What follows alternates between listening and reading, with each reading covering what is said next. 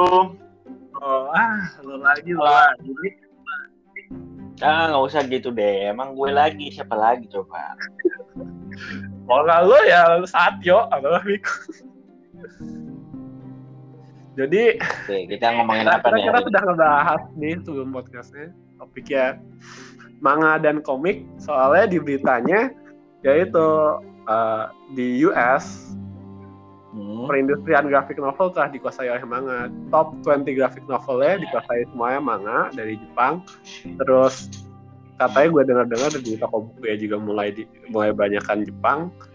Terus eh, ya banyak manga yang sudah mulai mau ngambil alih top yang kategori top selling top selling yang yang biasanya dipegang sama Batman lah, sama Marvel lah sudah mulai ter terkalahkannya. Jadi apa ini? Kenapa ini? Ada apa ini? Oke. Mungkin gue bisa ngambil perspektif dari yang komik western ya. Karena itu yang gue ikutin. Gue nggak terlalu ikutin nah, gua kan manga, nah, makanya kita kita Ah. akan memadukan perspektif untuk melihat kenapa ini. Oke, gue dulu mungkin ya. Ya, dari yang western. Kenapa bisa dikalahkan oleh manga? Hmm. Gimana ya? Mungkin apa ya? Mungkin salah satu faktornya ya. Hmm. Eh, kalau genre yang di western itu terkenalnya superhero. Iya. Kalau manga, walaupun sebenarnya formulanya tuh formula superhero, tapi di brandnya tuh nggak superhero, jadinya bisa apa aja tuh make sense gitu, bisa nyambung. Ya mungkin orang-orang yang western itu superhero kan itu udah udah kebanyakan dari dulu superhero superhero bosen gue gitu. Mungkin itu ya. Hmm. Terus kedua eh apa ya, ya itu eh, cerita-ceritanya mungkin eh udah mulai karena karakternya sudah ada sejak dulu ya dan we already know kayak misalnya Batman kan Batman Hmm. Robin sekarang ya udah Robinnya ada banyak sekarang Robinnya atau gimana kan terus ya ceritanya villainnya mungkin ya ada yang baru kadang-kadang tapi ya itu itu gue Oke. jujur kurang ngerti ya kenapa ya Hmm. Kenapa? Kurang ngerti kenapa? kurang ngerti kalau dari Marvel sama DC alasannya itu tapi padahal gue juga membaca beberapa indie comicsnya Western Hmm. gitu dan menurut gue tuh bagus cuman apa ya marketingnya kah atau menurut gue sih ya Nah, Jadi kita mari kita kita nih di sini berdiskusi apa permasalahan. Jadi kita kira tadi apa eh, permasalahannya gitu kan. Yang bikin orang-orang pindah ke manga gitu kan. Terus eh, kita lihat apa penyebabnya dan terus apa solusinya gitu yang di mana nanti kita bisa terapkan di Indonesia sendiri kan di dunia perkomikan. oke boleh Mhm. Saya gue tambah satu lagi ya apa-apa. kalau kalau Marvel DC tuh fanbase-nya movie fanbase. Kalau ngomongin tentang film, udah Marvel sama DC menurut gua the the rulers of the box office. Kita udah tahu itu. Tapi kalau di komunitas pembukuan atau comic books or manga fan fiction stuff like that itu lebih manga sih. Gua ngeliat Hmm. komunitasnya lebih passionate tanda kutip the otakus and stuff. There's no apa ya, nggak ada sebutan yang untuk Marvel atau DCers gitu kan, no. Tapi Hmm. menurut gue ya, culture otaku ini yang membesar banget ini kayak menurut gue itu kuncinya sih awalnya itu. Dan itu dia yang mem- meracuni teman-temannya seperti elu nih. Teman-temannya Kok kok maksudnya menyalahkan gue seperti lo ya maksudnya. Seperti gue tuh virus gitu. gue jujur gara-gara lu mulai tertarik sama Overlord walaupun belum gue baca tapi gue mulai nanti mau baca udah Wow, right now udah udah baca volume satu nih jadi oke oke oke. nanti kita bahas buat nanti nanti episode episode lain waktu. Nah, tapi jadi oke jadi dari yang tadi sudah lu jabarkan kan, berarti permasalahannya tadi kan berarti dari eh, kebanyakan superhero. Ah, ini yang gua lihat kayaknya kalau di manga tuh jadi gue gimana mereka tuh di pemajahannya aja gitu di di publishernya gitu di mereka tuh jadi kayak udah dibagi-bagi gitu lo ngerti gak sih kayak ada yang namanya shonen jump yang artinya buat action buat yang adult gitu lo ngerti gak sih jadi kayak genre-genrenya kan. Genre-nya dia udah tahu yeah. gitu nah, jadi kayak udah banyak dan udah tahu kalau lu mau romance ada yang namanya shoujo manga gitu kan. Kalau di kalau di di translate-nya itu cuman uh, romance gitu kan. Maksudnya kayak ada romance hmm. ada ada kayak ada slice of life gitu kan kalau lu mau hmm. yang cuma uh, ada yang komedi gitu. Jadi terus uh, kelihatan. Terus tadi lu bilang apa lagi uh, habis. Um, iya itu. Terus gue bilang lagi? fansnya komunitasnya lebih komunitasnya. gitu. Hmm. si otaku sini loh. Ya, ya yang soalnya gue gue gue gue gue nah ini yang gue apa agak masalahin sama DC dan Marvel. Sekarang entah kenapa DC sama Marvel tuh tidak menganggap fans komiknya tuh sebagai apa ya sebagai uh, yeah, apa ya maksudnya ya? enggak gini gini loh mereka uh, oke okay, fans uh, reaction oke okay, gitu kan. Mereka mau dapat uang banyak. Tapi di dunia permanga manga itu mereka tidak pernah menjadikan fans itu sebagai penulis. Ngerti gak sih? Hmm.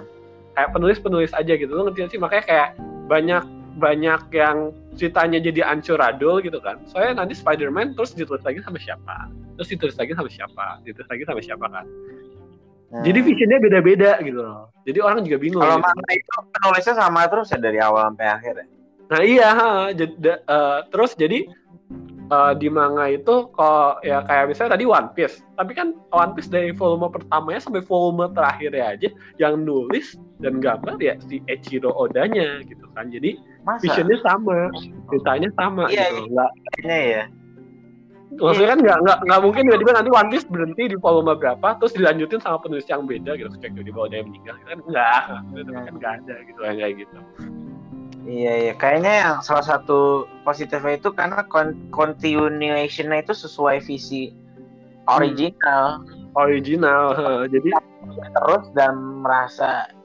following the character's journey sih, ya nggak sih?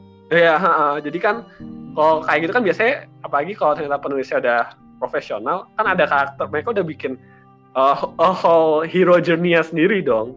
Terus nanti tiba-tiba masa ada writer baru kayak, ah enggak, gue nggak mau ngikutin hero journey lu, gue bikin baru kan. Jadi ya nggak. Ya kalau menurut gue ya di western sebenarnya kan karakter-karakter ini sebenarnya udah they're finished their hero journey already man. Yeah. ya kan. Spider-Man already did everyone basically already did. Tapi mereka karena karakter ini terkenal dan selalu pingin dibikin pembacaan baru. Jadinya ada cerita what if lah atau plot twist uh, punya anak atau ternyata dia apa Hydra lah apa. jadi permasalahan pertama tadi yang itu kan cerita. Dan berdasarkan menurut gua dari segi kedua ya uh, itu apa menarik penulis baru di. Mereka tuh nggak mau bikin IP baru. Takut bikin IP baru iya nggak sih DC Marvel ya technically bikin IP baru by making a new superhero ya tapi hmm. ya tapi bukan IP baru di mana itu beda dari Marvel gitu semuanya masih in di maksudnya kalau misalnya Marvel nih IP barunya pasti masih di dunia Marvel gitu kan. Nah itu dia permasalahannya kan di dunia universal. Sedangkan sedangkan kalau di manga Jepang itu apa dia jadi uh, misalnya lu punya cerita nih lu punya cerita lu datang ke editornya lu bisa kayak one shot gitu terus ternyata emang kalau pembacanya banyak lu bisa dan kedua lu yang megang IP ngerti nggak sih lu yang megang IP ngerti nggak Hah? Kenapa? Kayak pilot gitu, kayak pilot show gitu lah ya. Ya, nah, kayak pilot show. Itu bagus. Oh ya udah, udah lanjutin gitu. Greenlit gitu, ha, greenlit lah gitu kan maksudnya. Nah, nah, permasalahannya di Marvel sama DC gue lihat lu nggak megang IP penulis sama penggambarnya nggak megang IP gitu gak sih? Iya, iya, iya karena kenapa? begini. Hmm.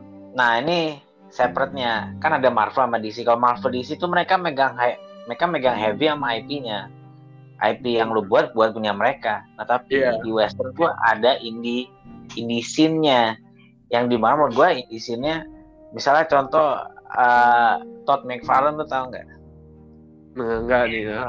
Yang, yang ngebuat Spawn, yang ngebuat Oh, yang Spawn. Spawn. Oh, iya, Ya. yeah. Spawn. Sebelumnya dia di Marvel dan alasannya itu juga karena di Marvel itu dia merasa tidak bisa free dan Hmm. buat menjadi milik Marvel. Jadi dia keluar bikin perusahaan sendiri namanya Image Comic. Terus dia bikin Spawn. Nah dari perusahaan itu itu banyak eh, banyak banget series yang gue suka. Gue eh, ngikutin Saga nama seriesnya itu Western Comic. Tapi itu pemiliknya penulisnya terus semuanya tuh sama sampai akhir sampai tamat tuh penulis.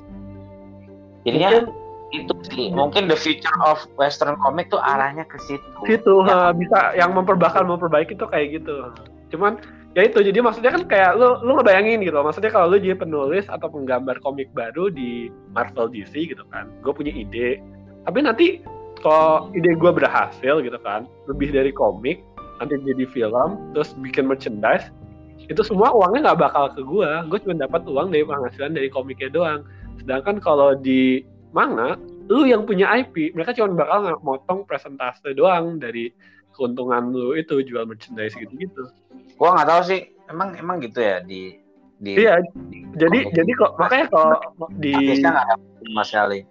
uh, makanya di dunia permanga di kayak mereka tuh berusaha nyari satu one hit gitu lo ngerti gak sih? Kayak kalau sebagai penulis dan penggambar kayak kayak Chiyoda dia udah bikin One Piece sukses ya udah gitu. Maksudnya One Piece aja gitu. Loh yang bikin uh, Dragon Ball juga gitu yang bikin Sailor Moon juga gitu. Udah jadi sampai animasi ya udah itu doang. Terus mereka hidup dari ya hasil IP mereka. Soalnya jadi terus mereka jadi punya waktu bebas untuk bikin IP-IP baru lagi yang terbebas dari biaya keuangan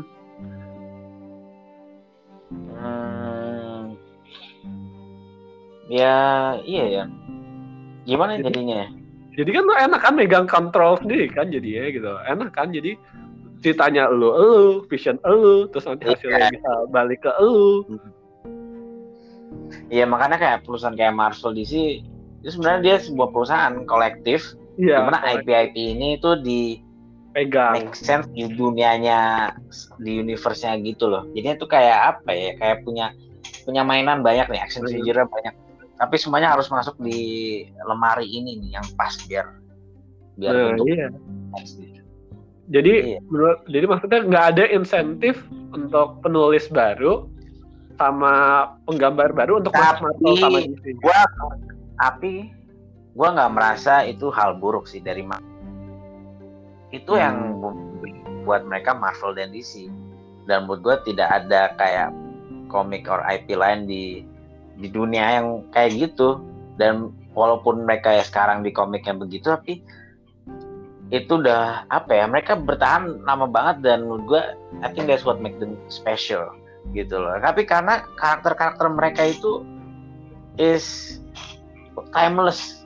Dan walaupun umurnya udah udah tua-tua semua karakter tetap masih generasi sekarang masih inget karakter-karakter itu. Walaupun ya ya ada constraint karena Nah, cuman karena kan itu di sebuah universe gitu loh jadinya nggak bisa sebebas-bebas maunya gitu harus ada limit to the story and the art gitu.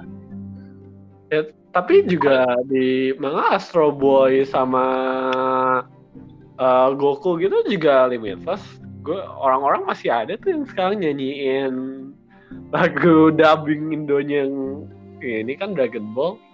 Gak. oh Dragon Ball ya Dragon Ball emang iya nah, iya tapi kan maksudnya ada ada karakter-karakter IP baru kayak yang One Piece Tapi yang lu nggak nggak pernah mem- memikirkan kayak Dragon Ball ketemu Naruto gitu. Kecuali lu main game yang apa tuh yang yang fighting game. Pernah itu. pernah uh, pernah tapi ya sebagai uh, itu tergantung perusahaannya Uh, Itu kayak canon atau spin off?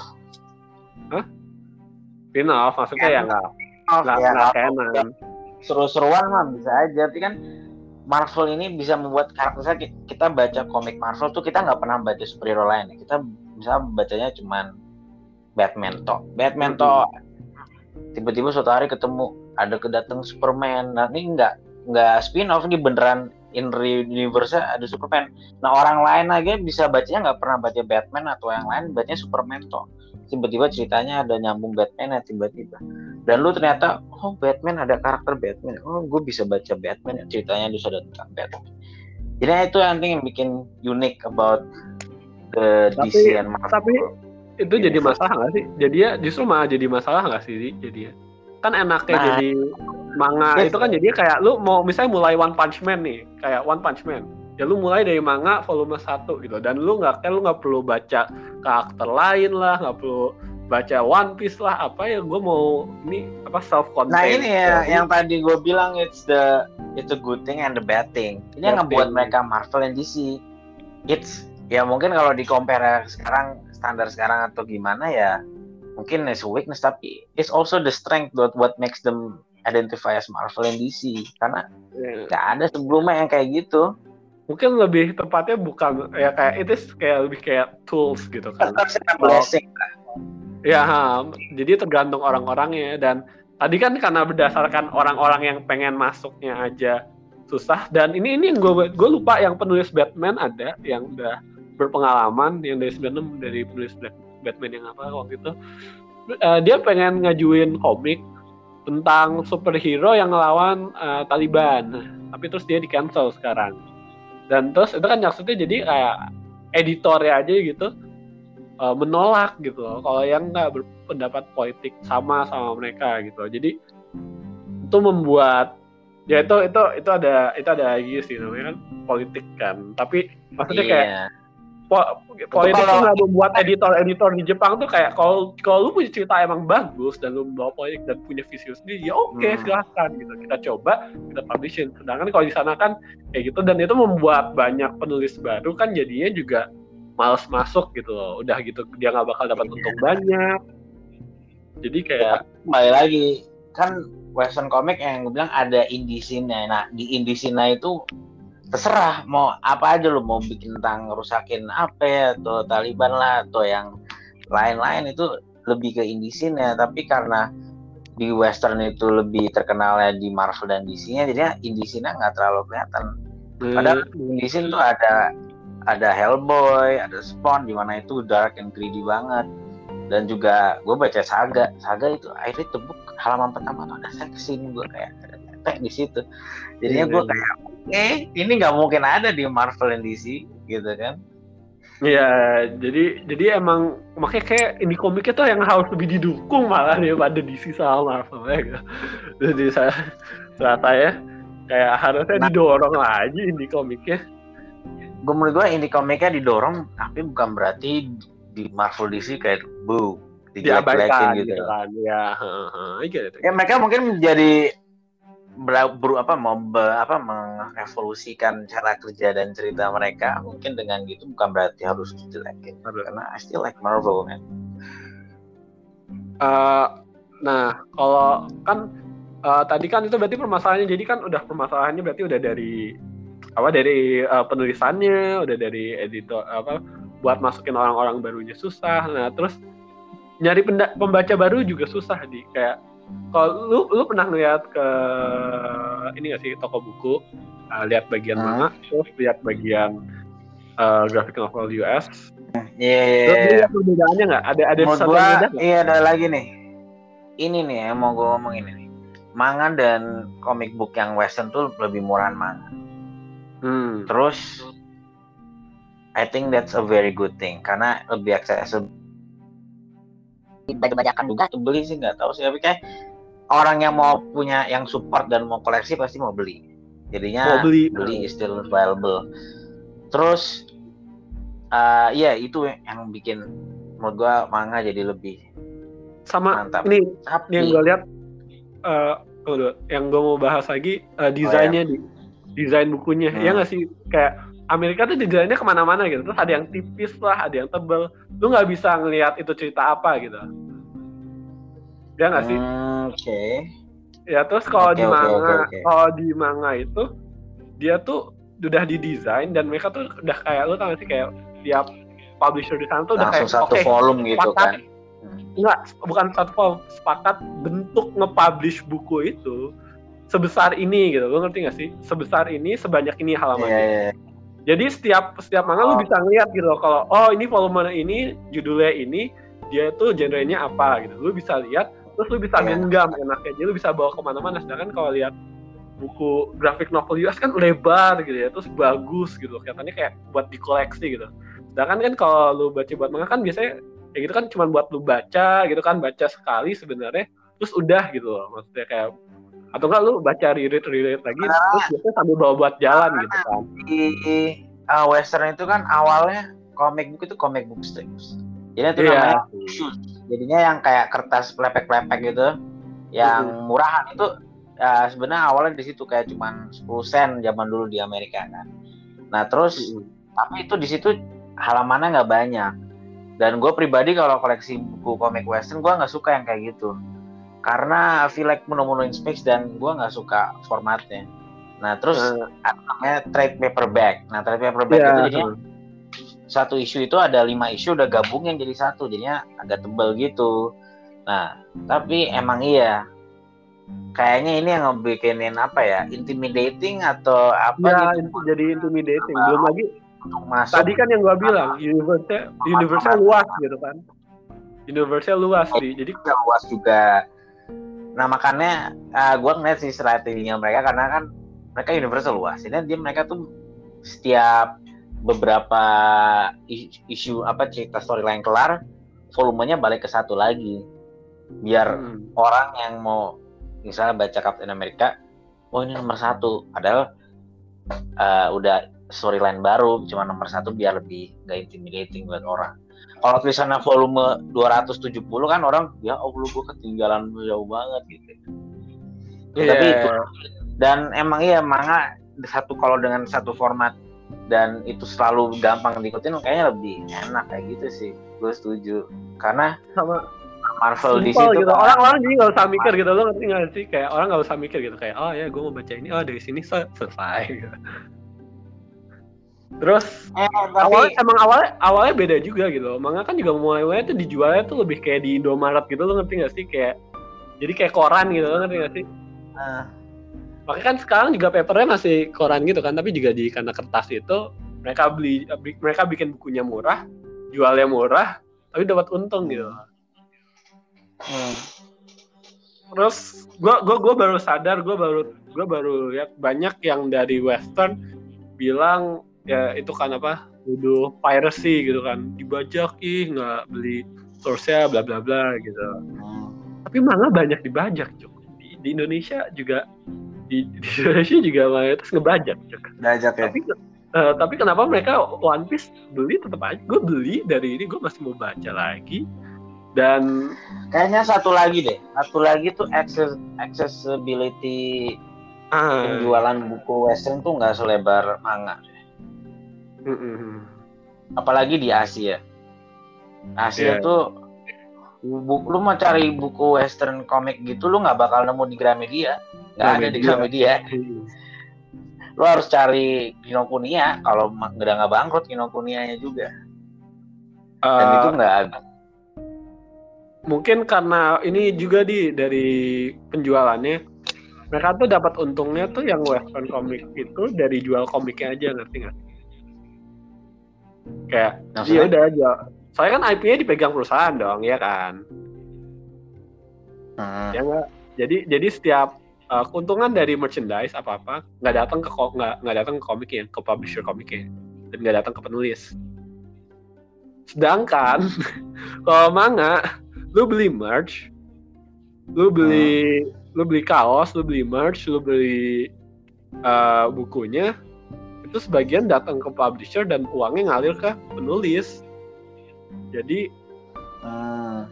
jadi mereka nggak bergantung sama buku mereka untuk kejual gitu lo ngerti gak sih kalau ada orang yang udah Iya. ketarik udah ketarik maupun dibajak gitu kan dia ketarik dia nonton terus nanti dia beli merchandise yang mahal-mahal ya uangnya makanya kayak sekarang Godzilla versus King Kong aja kan juga kayak gitu sukses loh sebenarnya Godzilla sama King Kong uangnya banyak tapi box office-nya merch-nya. fail Ya. box office-nya flop tapi merch-nya Tapi gede berarti suka karena merchnya Marvel DC juga gede banget dong berarti kan.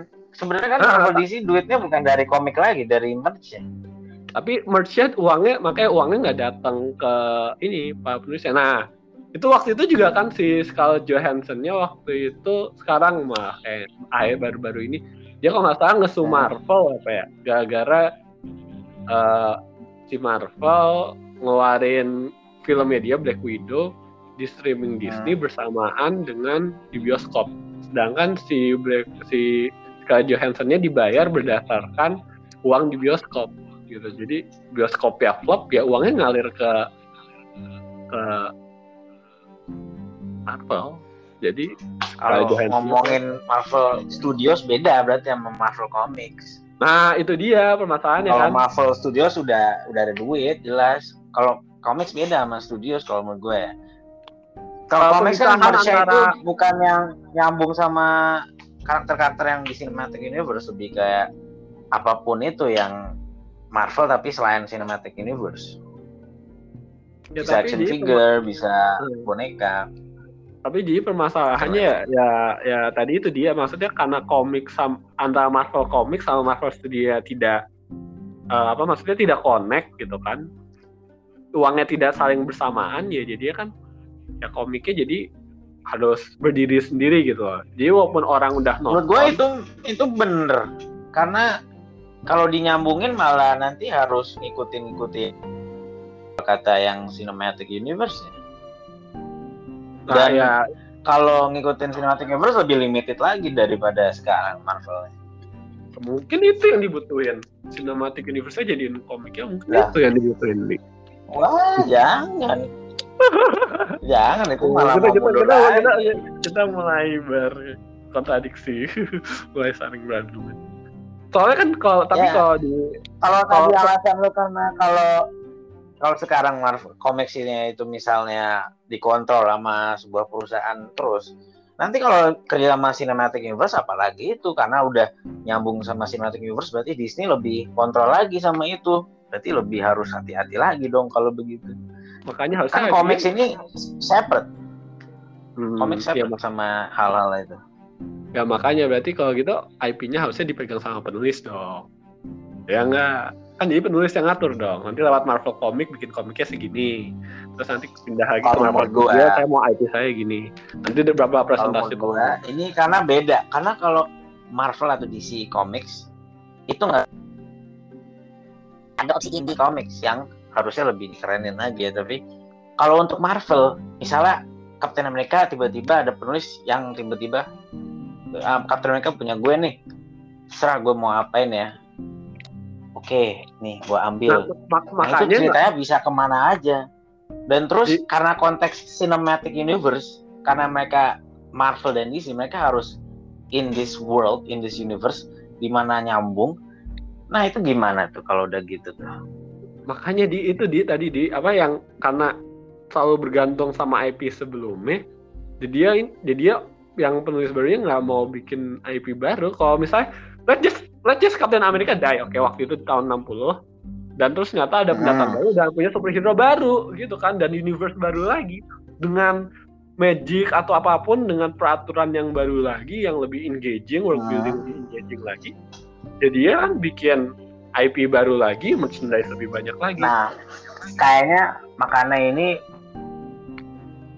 That's tapi that's their strength also. Karena mereka always have their characters die at some point, right? But terus habis itu ada orang yang lanjuti. tapi uh, orang yang baca komik-komik ini sukanya karakter yang OG. They want Bruce Wayne, they want Steve Rogers, they want Tony Stark, Peter Parker yang yang OG. Dia IP mereka itu duit mereka itu value dari karakternya itunya tuh gede banget bisa bikin cerita suatu hari yang canon eh, misalnya Steve Rogers dies forever.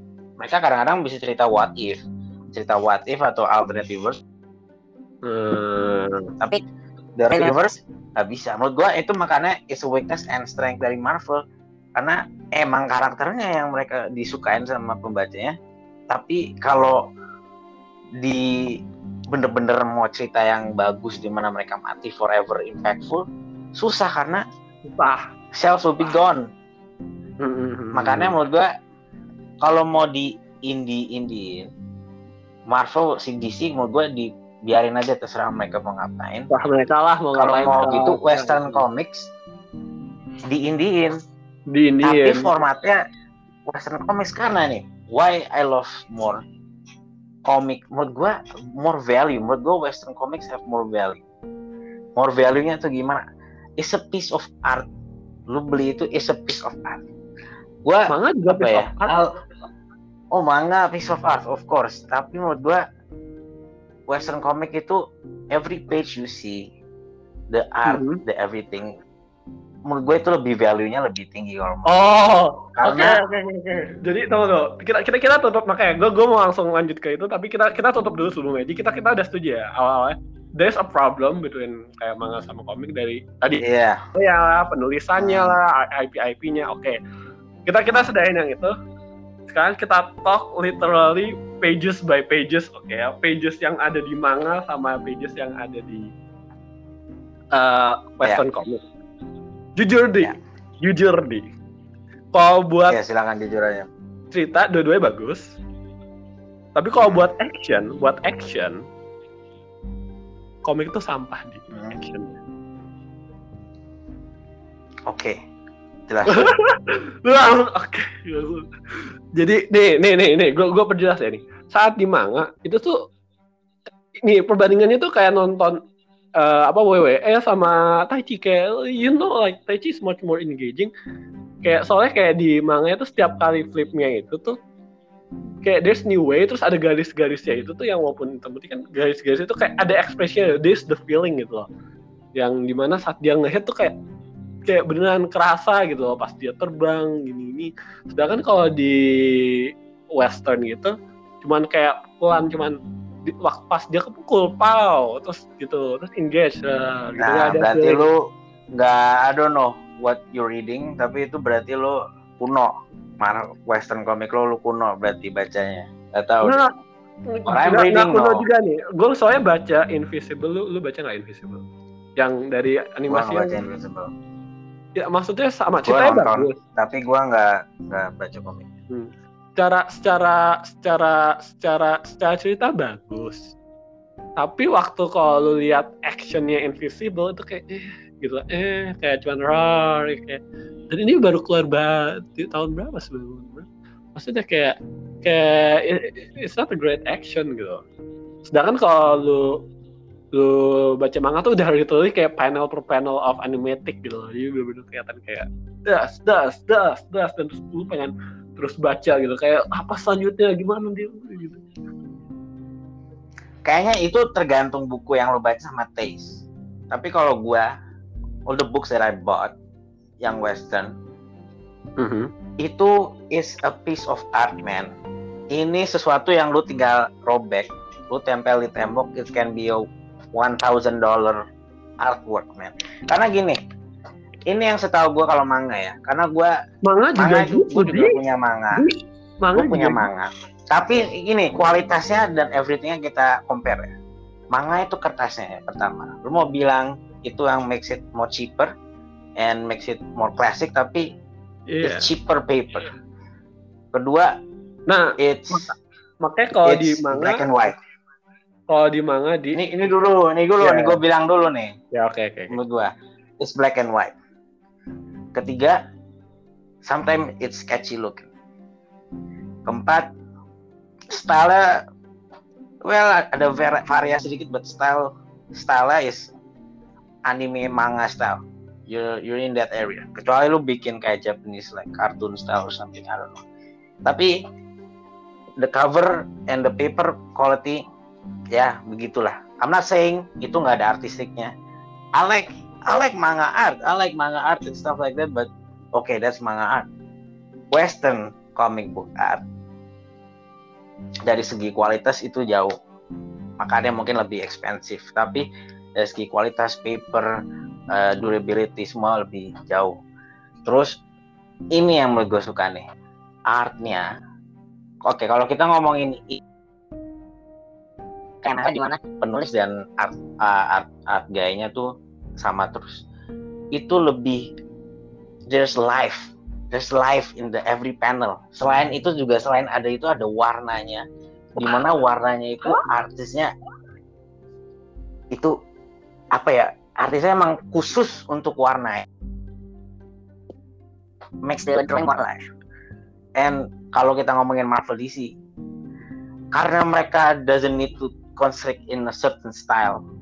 Mereka tuh kadang-kadang berapa misalnya storyline tamat atau ada berapa storyline lagi itu setiap artisnya beda. Dan setiap artisnya itu brings a new fresh feel to the comics.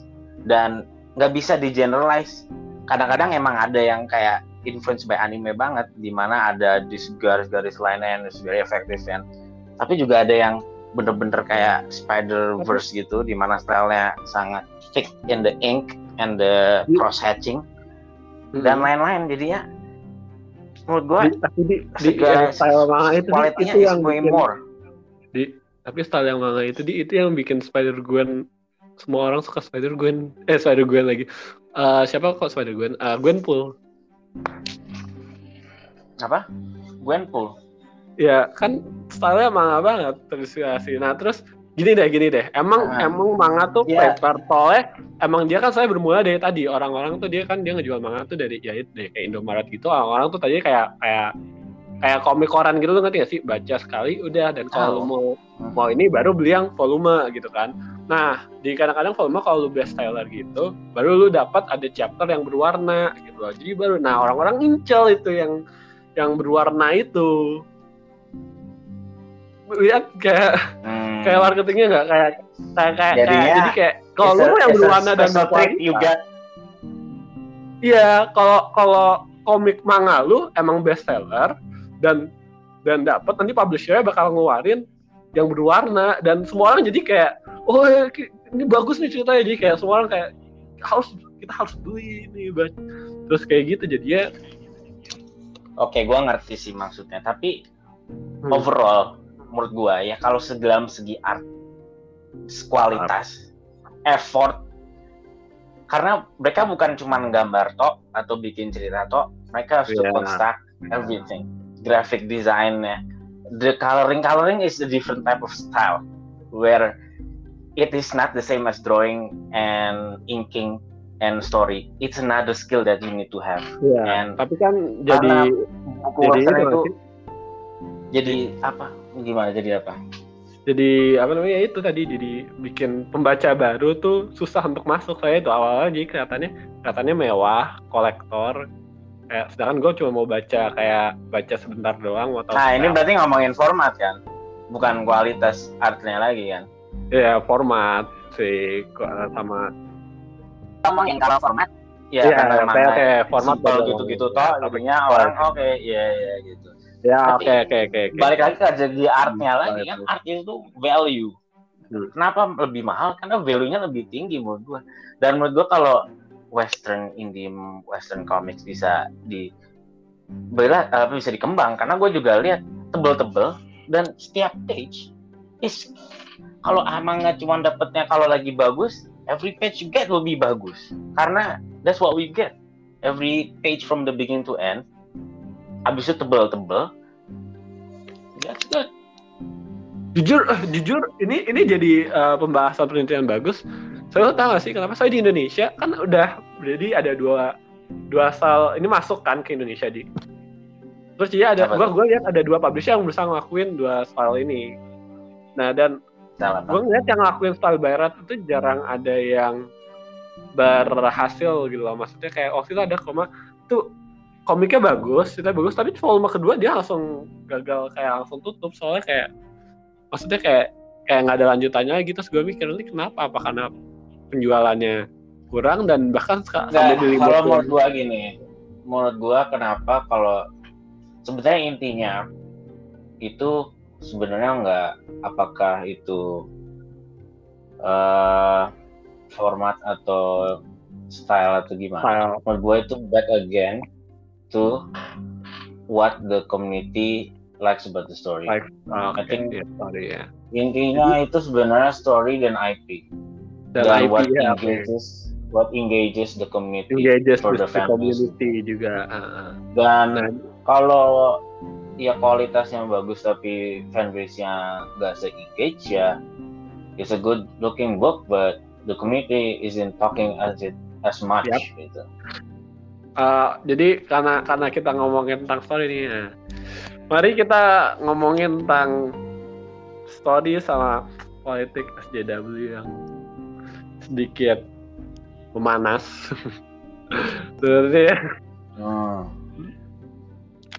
kayak gue saya gue gue gue gue gue nggak suka kayak gini loh apa sama ada orang yang bilang kenapa Western Comic fail soalnya mereka masukin politik SJW kita kan mau itu kan escapism gitu kan terus gue tapi Hmm. terus gue mikir-mikir kayak tapi kan manga juga ada politiknya kayak nggak ada waktu ada yang pas karakter trap atau gitu nggak ada itu yang protes ya maksud gue jadi kayak ya kayak mereka Jadinya tuh jadi kayak- kalau kalau masalah SJW ya di Marvel sama DC itu I think it's one of the problems. Hmm. Problem saya tuh gini, sebenarnya niatnya bagus. Niatnya kan bagus mau Niatnya bagus, ngomongin topik-topik yang lebih apa ya jarang diomongin atau representasi. Cuman kadang-kadang ya karena mereka IP gede, jadi mereka need to show the world that they- mereka berani begitu. Jadinya terkadang uh, doing that itu at the cost of the art, the cost of the story. Misalnya Nah, itu Kalau- dia. Tapi kan in the end emang komik is about the story kan. Kayak what's the engaging is the story. Kayak if you sacrifice the story for only the political your political ideology ya kan yang alone, jadi Itu bakal jadi weaknessnya mereka. heeh. Maksud gue kayak Gwenpool itu karakter itu karakter baru yang mana dia bisa ngebawa loh topik kayak gitu dan dengan fresh gitu. Makanya kan itu IP baru gitu kan. Kayak Bisa. Gue gue makanya gue suka Gwen, gue suka Spider Gwen Hmm. dan karakter-karakter yang lebih baru kayak gitu tapi gue suka. Tapi kadang-kadang juga ada karakter-karakter yang jelek. Ya tergantung lagi penulisnya dan pembawaan Hmm. ceritanya mau kayak gimana pembawaan gitu. eksekusinya. Soalnya lu lu ngerti gak sih kayak di mana gue gue nggak pernah kayak kayak ngeliat kayak di lecture gitu lo ngerti gak sih kayak ngasih tahu apa ini yang benar apa itu yang salah gitu. Kayak Hmm. di One Piece ada ada uh, di salah satu pulaunya tuh uh, di uh, Arc Impel Down ada namanya raja uh, si rajanya Ivakov tapi, dia banci. Dan dia kekuatannya itu bisa bikin orang tuh ganti gender gitu. Ngerti gak sih? Hmm. tapi tapi is is represent as menarik gitu. Karena satu kerajaannya tuh banci gitu. Dan that is a funny thing gitu loh. kayak kayak is Hmm. kayak dia nggak dan dia nggak nggak bilang kayak kayak kayak I'm gay gitu. Kan nggak ada gitu loh. Kayak kelihatan gitu. Dan terus dia ngeliat kalau ternyata si Luffy-nya itu tuh anak temennya dia gitu. Dan dia kayak oke gua akan ngebantu lu gitu kayak kayak it's a real people gitu loh kayak di treatnya Iya. kayak there's nothing special gitu kan his emang powernya dia itu Tapi susahnya gini sih. suka- susahnya kalau itu mau diaplikasi ke dunia Marvel DC karena mereka dunianya is the real world mereka bisa sejak dari dulu kan sejak awal itu pasti ceritanya ada yang nyambung dengan real world situation Hmm. Real yang world politik situation. yang lagi masa itunya kan Captain America itu politik yang masa itu kan Nazi lawan The Allies jadi ada cerita Captain Ya. America muncul Ya, itu Jadinya berhasil. ceritanya Marvel itu selalu I guess to the nose apa yang mau diomongin politiknya gitu. terlalu banyak can be a enggak, strength but also a weakness. kayak terlalu to the nose gak sih sekarang saya kayak dulu juga di lu tahu Watergate gak sih yang waktu Richard Nixon mundur yang di Hmm? Pemasangan korupsi gitu kan akhirnya si Marvel yang ngeluarin si Captain America jadi No Man's kan. Hmm. ya I mean No maksudnya itu karena karena dieksekusi ya dengan baik sama nggak to the nose gitu. Kan Captain America nggak nggak tiba-tiba this is this is something wrong gitu. Enggak kan tapi dia nge-react gitu loh. Dia dia dia nemuin ternyata penjahatnya ada presiden terus dia merasa kecewa dan dia melepaskan shieldnya gitu loh. So so kayak Iya. kayak show it gitu loh show it don't tell it gitu loh. don't tell it kalau dia dia tuh gay dia tuh apa dia tuh kulitnya hitam don't tell it Gua jujur Show it. gua lagi nggak terlalu banyak baca buku ya yang komik atau manga jadinya gua nggak tahu what's going on right now. Tapi kalau gua dengar-dengar kayak gitu ya, gua nggak tahu. Jadi Oh. I don't know. I Mungkin- cannot mungkin say. mungkin lu bakal Tapi suka gua inget yang zaman-zaman yang waktu pertama gue ingetnya tuh waktu zaman-zaman pertama keluar Spider Spider-Man jadi Black, jadi Miles Morales atau Miss Marvel atau Aaron gitu, Hart ya. gitu-gitu kan ya. Sam apa Sam Wilson jadi Black, Aaron. Hart itu itu zaman yang gue tahu waktu mulai mulai CW yang sekarang gue gua nggak tahu apa Hmm. what's the news now. makin lebih buruk lagi di makin lebih buruk lagi dan ya Gitu itu para kita para otak Iya. shoving it shoving it I to their face gini loh I think this is the the problem. Tapi ini juga what is what they trying to do gitu.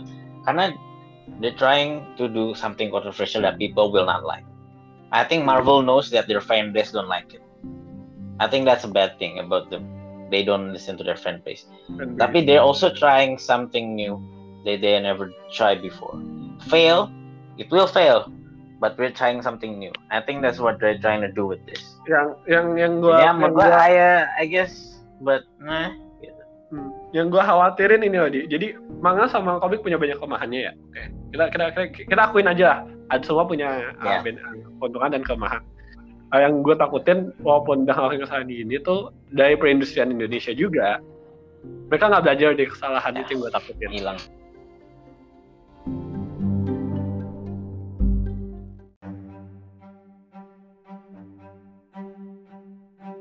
halo oh ya jadi istirahat udah ya ini terus lagi dua ini atau gimana nih Nah, ya lanjutin aja sih sebenarnya. Ini makanya kadang-kadang kalau suka terputus gara-gara internet. ah, enak juga ya kalau kita bisa ngomong kayak gini terus dibayar gitu ya. Punya tempat untuk podcast sendiri. Ah, Tapi ya sudah. Eh, jadi gue mau balik lagi tadi apa mana? ketakutan gue akan dunia manga, komik dan terutama perkomikan di Indonesia itu tidak belajar dari kesalahan. kayaknya gini kalau kalau kita ngomongin Indonesia udah selesai ya tentang manga Iya. sama western Komik. comics ya konklusinya itu terserah kalian pendengar mau konklusinya gimana tapi itu pendapat kita oke kalau Hmm. tentang Indonesia menurut gua Indonesia sekarang yang penting ada kreatornya dulu. Ada yang mau berjuang untuk Berjuang. bikin IP itu nomor satu. Nomor dua ya kita baru mikirin yang hal-hal yang seperti itu ya. Tapi nomor satu ada dulu yang ngebuat nih. Ada yang mau berani walaupun gagal tetap lanjutin. Karena Indonesia belum apa man, udah mulai tapi it's, it's in the early stages man jujur kita kalah sama Filipina kan? Filipina Iya. menurut gua dalam segi animasi and their IP and comics itu lebih mem- Banyak. tinggi daripada Indonesia. Lu tau kan ada animasinya mereka di Netflix Trace namanya? Iya, iya, Tahu iya, tahu, tahu, tahu, tahu. itu berdasarkan webcomic mereka yang diadaptasi sama Netflix jadiin anime. IP mereka jadinya wow jauh Indonesia jadinya ya. Jadi yang penting itu dulu jadi yang penting Indonesia all types of creator. Buat dulu konsisten with their doing and hope for the best. And then kalau udah mulai berkembang baru kita oh iya oh gitu. Karena ya industri veteran saya kita masih perlu buat gitu. Kalau menurut gue itu gitu. Tapi kayak apa yang menurut gua ya kayak kita harus pelajari dari luar juga kan tadi dari komik sama manga untuk Indonesia kayak Hmm. eh kayak please jangan pertama tadi ya si Dewa alias mau lu ideologi apa kayak lu mau muslim kayak mau agamanya apa pun Kristen kayak lu mau Hmm. apa don't Jadi shove don't shove Hmm. your ideologi kayak ya itu nggak itu sih? itu bakal kena kayak bakal apa? kena undang-undang bakal nakutin ah itu yang yang kedua itu apa pemerintah kita harus memfasilitasi, memfasilitasi peraturan ya kayak Ya. IP tadi kan kayak makanya kan kalau misalnya mungkin penulisnya lebih banyak megang IP-nya mungkin lebih bakal banyak orang yang bakal mau nulis dan ngegambar gitu kan Hmm, ya. Pemerintah tuh kayak harus punya semacam di di internet deh kayak ada uh, step by step sama program dari pemerintah agar creator-creator Indonesia bisa oh begini cara bikin IP-nya nanti biar bisa Iya. disupport atau Or ini apa, apa legal-legalnya yang diperluin agar bisa duluin. Mm-mm. dibuat uang harus lebih Oh. begitu harus lebih gampang lah biayanya juga lebih jelas gitu kan kayak kayak biayanya berapa gitu kan untuk ngelain IP-nya terus peraturan-peraturannya juga undang-undangnya yang lebih jelas lagi jangan yang samar-samar gitu. Nanti orang-orang kan bisa dengan mudahnya bilang itu IP gue gitu kan. Bukan tuh IP gue gitu kan. Sama ya terus ya copyrightnya mungkin ya. Hmm, penggunaan kayak fair use gitu kan belum ada gitu di Indonesia. Kayak kalau misalnya gue bikin meme dari IP lu gitu terus masa gue di su gitu kan kayak kayak bro it's just meme gitu. Maksudnya kayak gue udah edit juga gitu terus gue udah tempel ini gue di meme gitu kan apa? Watermark gue di meme. ini orang Indonesia kagak peduli IP copyright bodo amat bro. Makanya susah. Susah ah itu dia bikin orang bikin dari mana? Orang-orang nontonnya bajakan atau nontonnya dari temennya yang bajak? Ya, ya sudah sudah kagak ada yang mikirin begituan ya. Hmm, tapi kan kalau makanya tapi walaupun bajakan kan jadi kan uh, jujur gue lihat sih bajakan Indo susah sih ya. Bajakan gitu kalau lu creator Indonesia dan lu dibajak susah. Kalau lu creator Jepang atau Western bodo amat lu malah dapat fans banyak ya kan? Hmm. karena lu udah establish IP lu udah establish dan lu udah punya reach-nya tuh udah seluruh global gitu. Kalau lu Indonesia lu mau mulai dan market lu baru lokal dan lokalnya semuanya bajakin ya gimana lu mau dapet penghasilan gitu loh Susah. ya makanya itu yang gue bilang penghasilannya yang harus ini didapetnya dari merch sama anime gitu-gitu. Itu apa harus ada penghasilan lain dari komik itu sendiri gitu. Dari IP-nya harus harus menopang penulis sama penggambarnya. Kan kayak Tahilalat iya. Tahilalat gitu kan? Dia kan bikin karakter-karakter Tahilalat kan itu mereka kan uh, short comic juga terus short tapi comic. mereka emang free dia konten mereka hmm. kan itu benar free nggak ada yang buku atau apa jadinya emang konten mereka free dan duit mereka dari merch dan iklan dan lain-lain. Nah itu dia. Gitu atau Sinopal boleh-boleh aja. Sinopal juga karya yang lebih idealis misalnya sebuah buku atau sebuah film atau sebuah apa kan dan lu butuh banyak dari profitnya dari karya itu ya susah. Nah, itu dia. Makanya pasti Lu kalau mau based on merch itu nggak gampang gue gue bikin baju bisu gue jualin. Atau gue bikinin apa. Nggak bisa. Karena untuk merch lu perlu uh, duit dulu. Dan itu berarti harus ada investor dan lain-lain. Dan lu harus ngepercayain orang.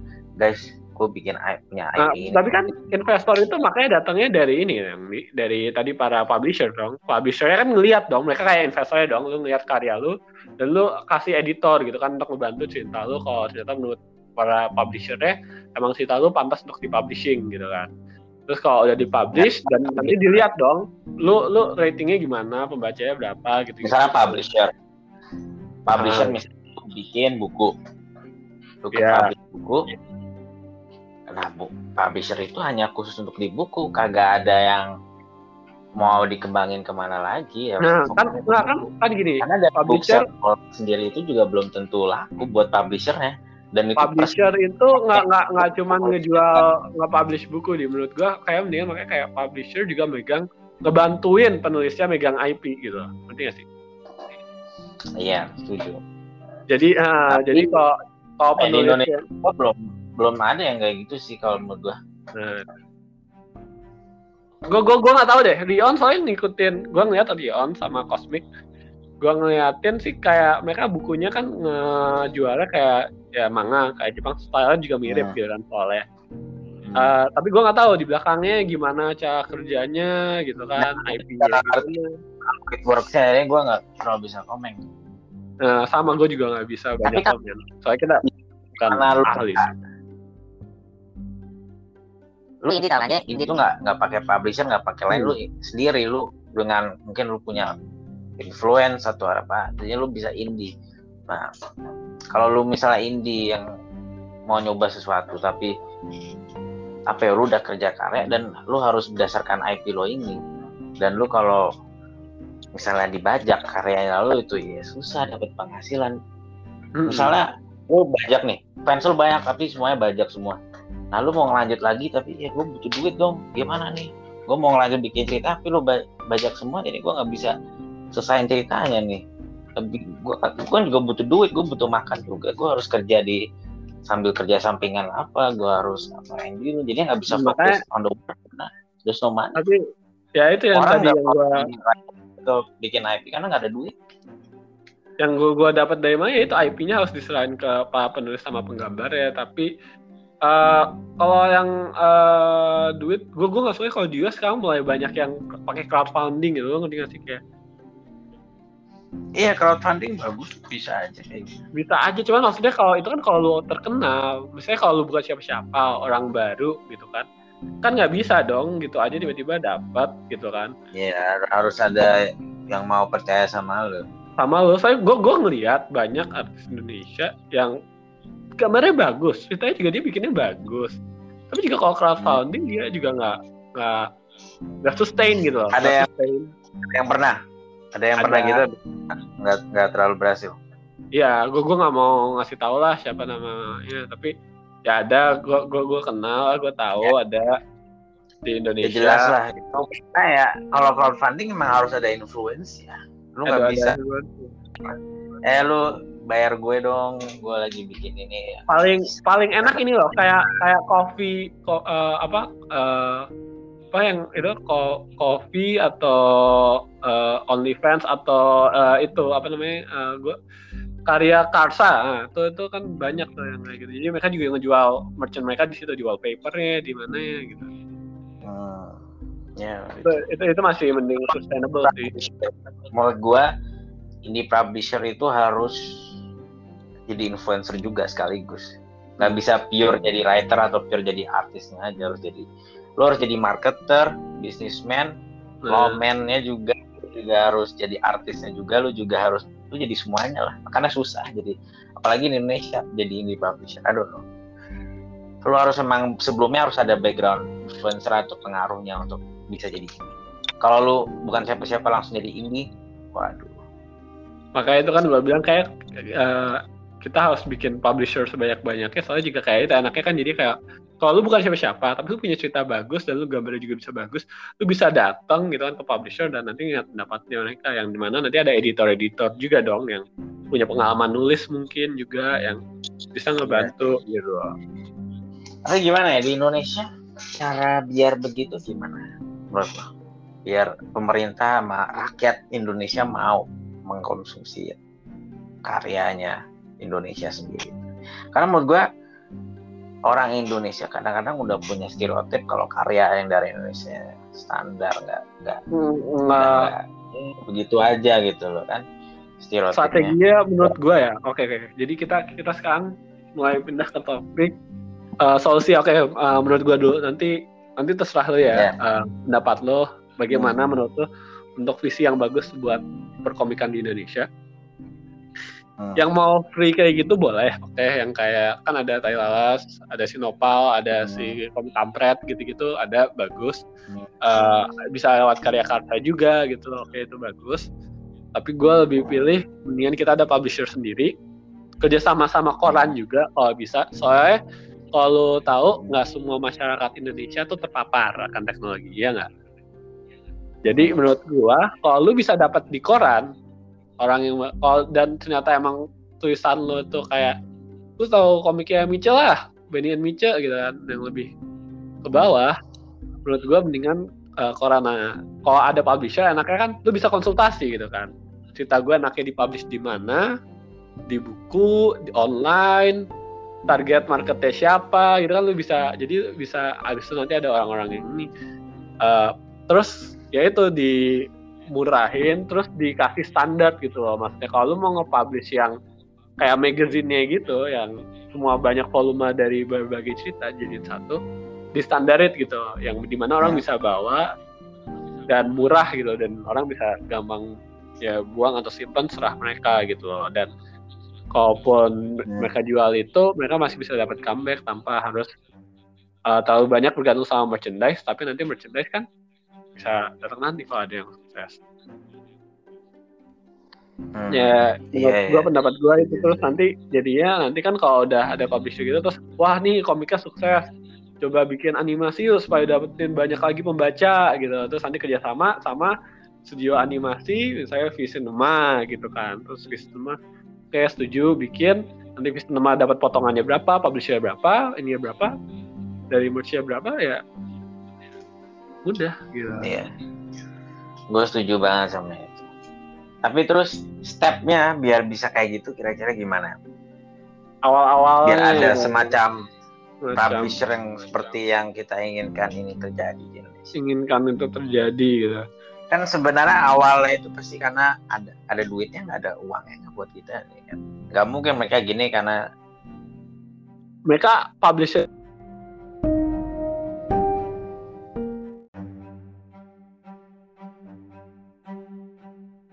oke Ya, lagi lagi. tapi eh tadi dia lu nanya eh, apa bagaimana publisher ini Ya. bisa tumbuh gitu kan percaya gitu biar ada gitu. kalau yang gue lihat dari publisher yang sekarang gitu ya mereka ada kalau nggak kalau kayak ada yang kalau tahu ada yang karakternya kayak setan jalanan gitu itu soalnya kan kayak tadi lu bilang ada influencer ya soalnya yang bikin ternyata penyanyi Nichi kan nama Itu atau ya? enggak jadi jadi banyak orang yang maksudnya yang dia bisa ini. Eh, atau enggak emang udah biasanya udah ada backingan kalau kayak Dion atau Cosmic gitu kan. Atau enggak kerja sama sama ini apa namanya? Dulu kan ada publisher yang apa? Eh M&M magazine komik atau kayak gue lupa apa sih. Yang ya jadi maksudnya kayak udah di backingin kayak Gramedia gitu kan kayak ya Eh, publisher. Iya, Gramedia mungkin gitu maksudnya gue kan kayak kalau misalnya kalau lu udah di backingin Gramedia atau Kompas ya Gramedia Kompas gitu kan kayak reach paling gede gitu kan.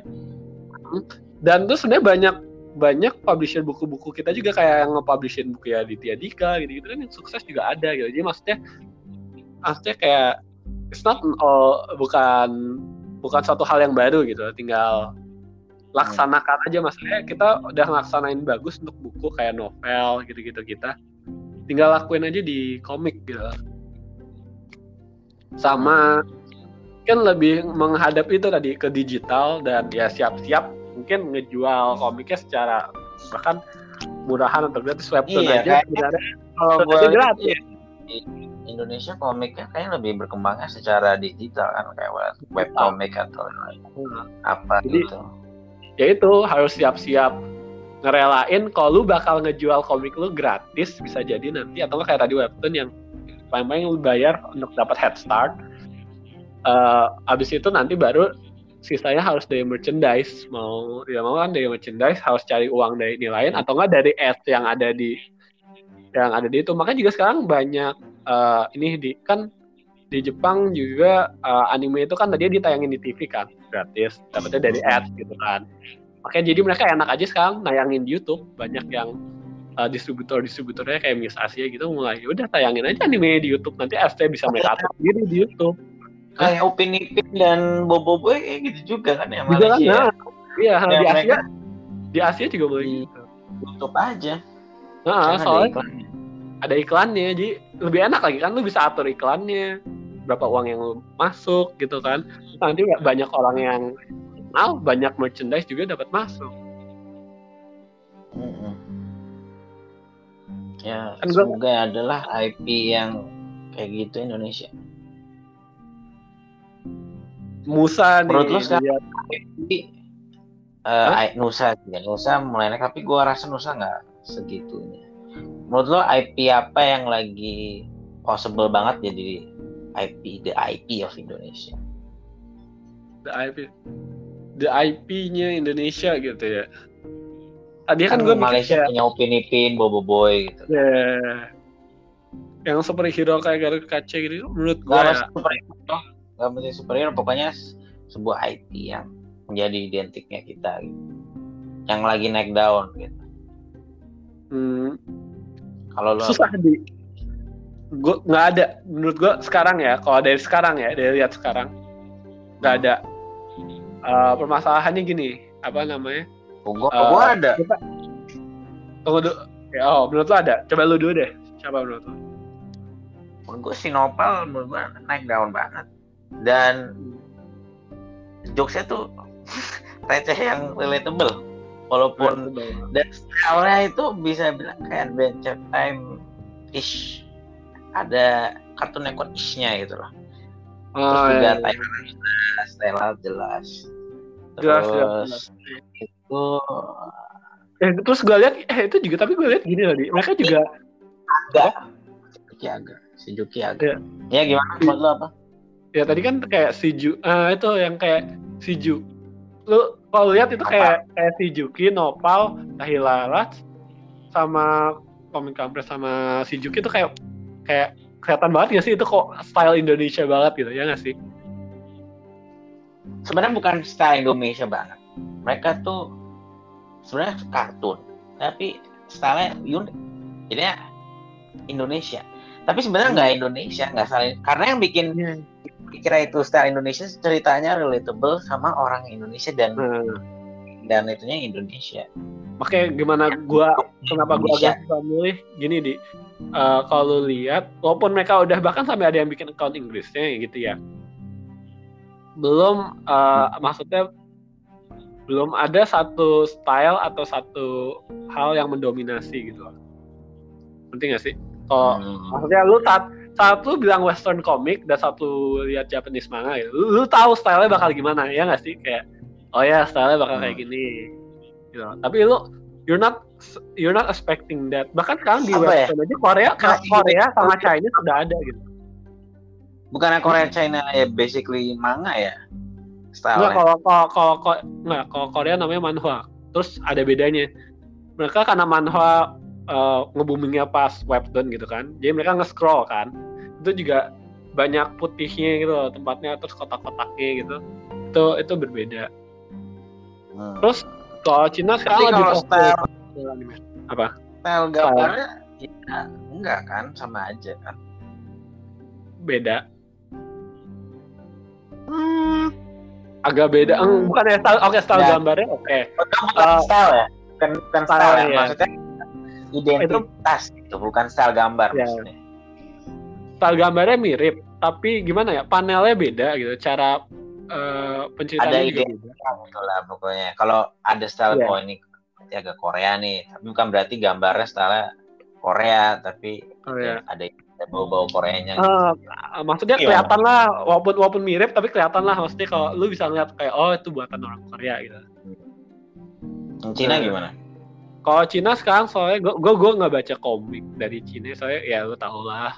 Maksudnya taunya pemerintahannya Cina it just basically become Japan because uh, Genshin Impact bukan buatan Cina ya? Bukan bukan bukan. Jepang. Mihoyo. Ah, tapi kalau Cina sekarang saya lagi fokus. Fokus ke animasinya. Di lu lihat di animasi Cina itu 3D beda. Ya. beda gitu-gitu. Gue gue lagi seneng gitu.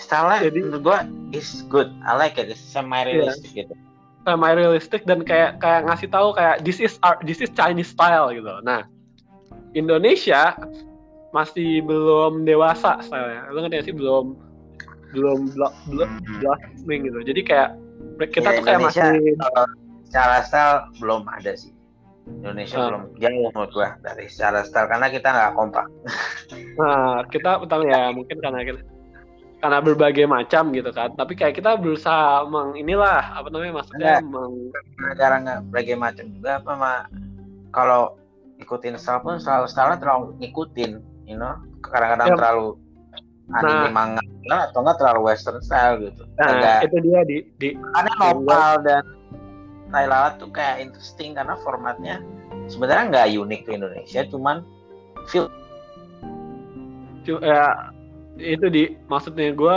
para komika di Indonesia sekarang tuh masa-masa itu masih meresap gitu loh. maksudnya masih apa ma- masih belum. Nah.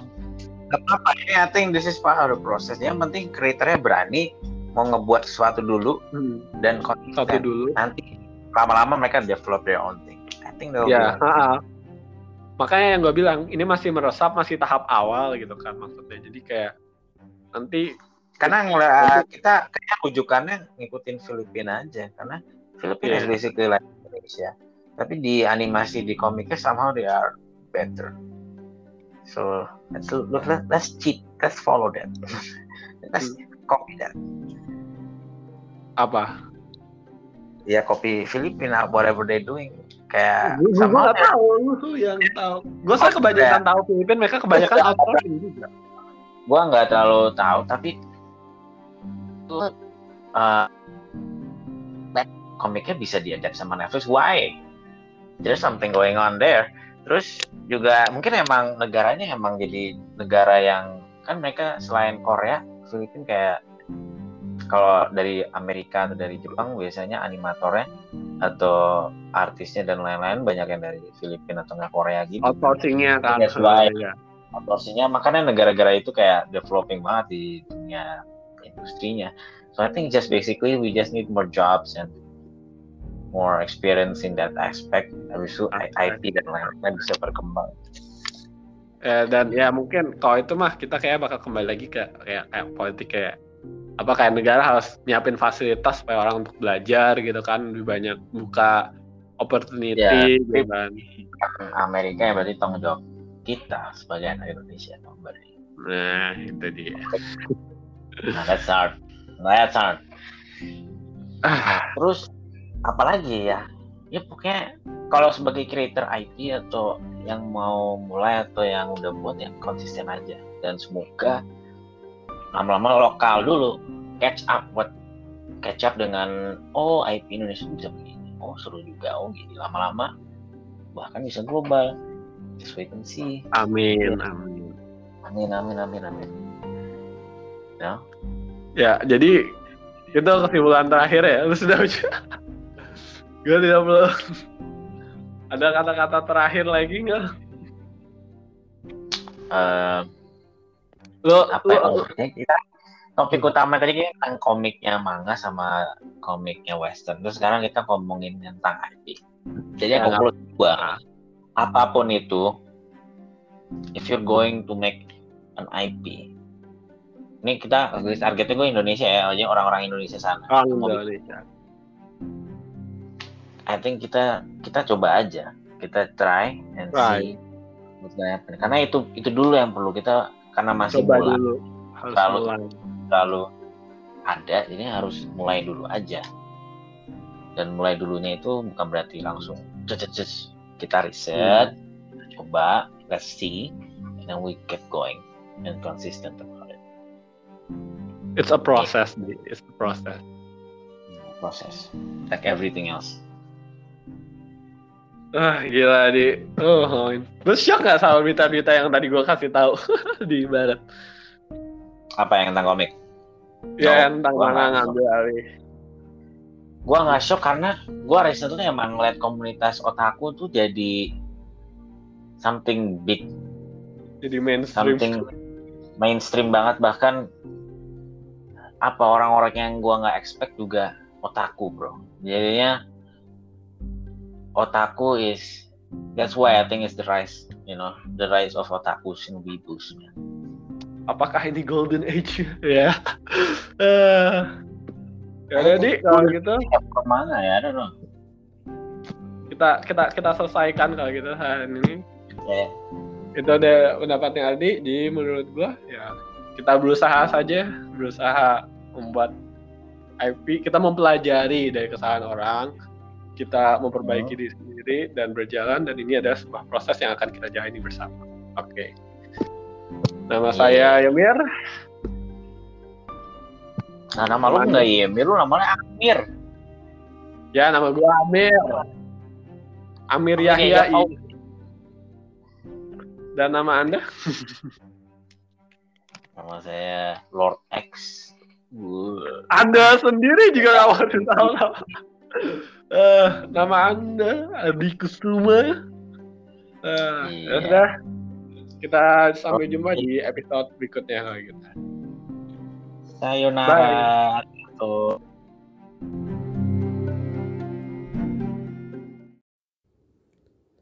Episode 6 kali ini argumentasi antara saya dan Ardi berdasarkan pendapat kami masing-masing dan berdasarkan kemampuan knowledge kami masing-masing. Jadi kami minta maaf bila ada kesalahan.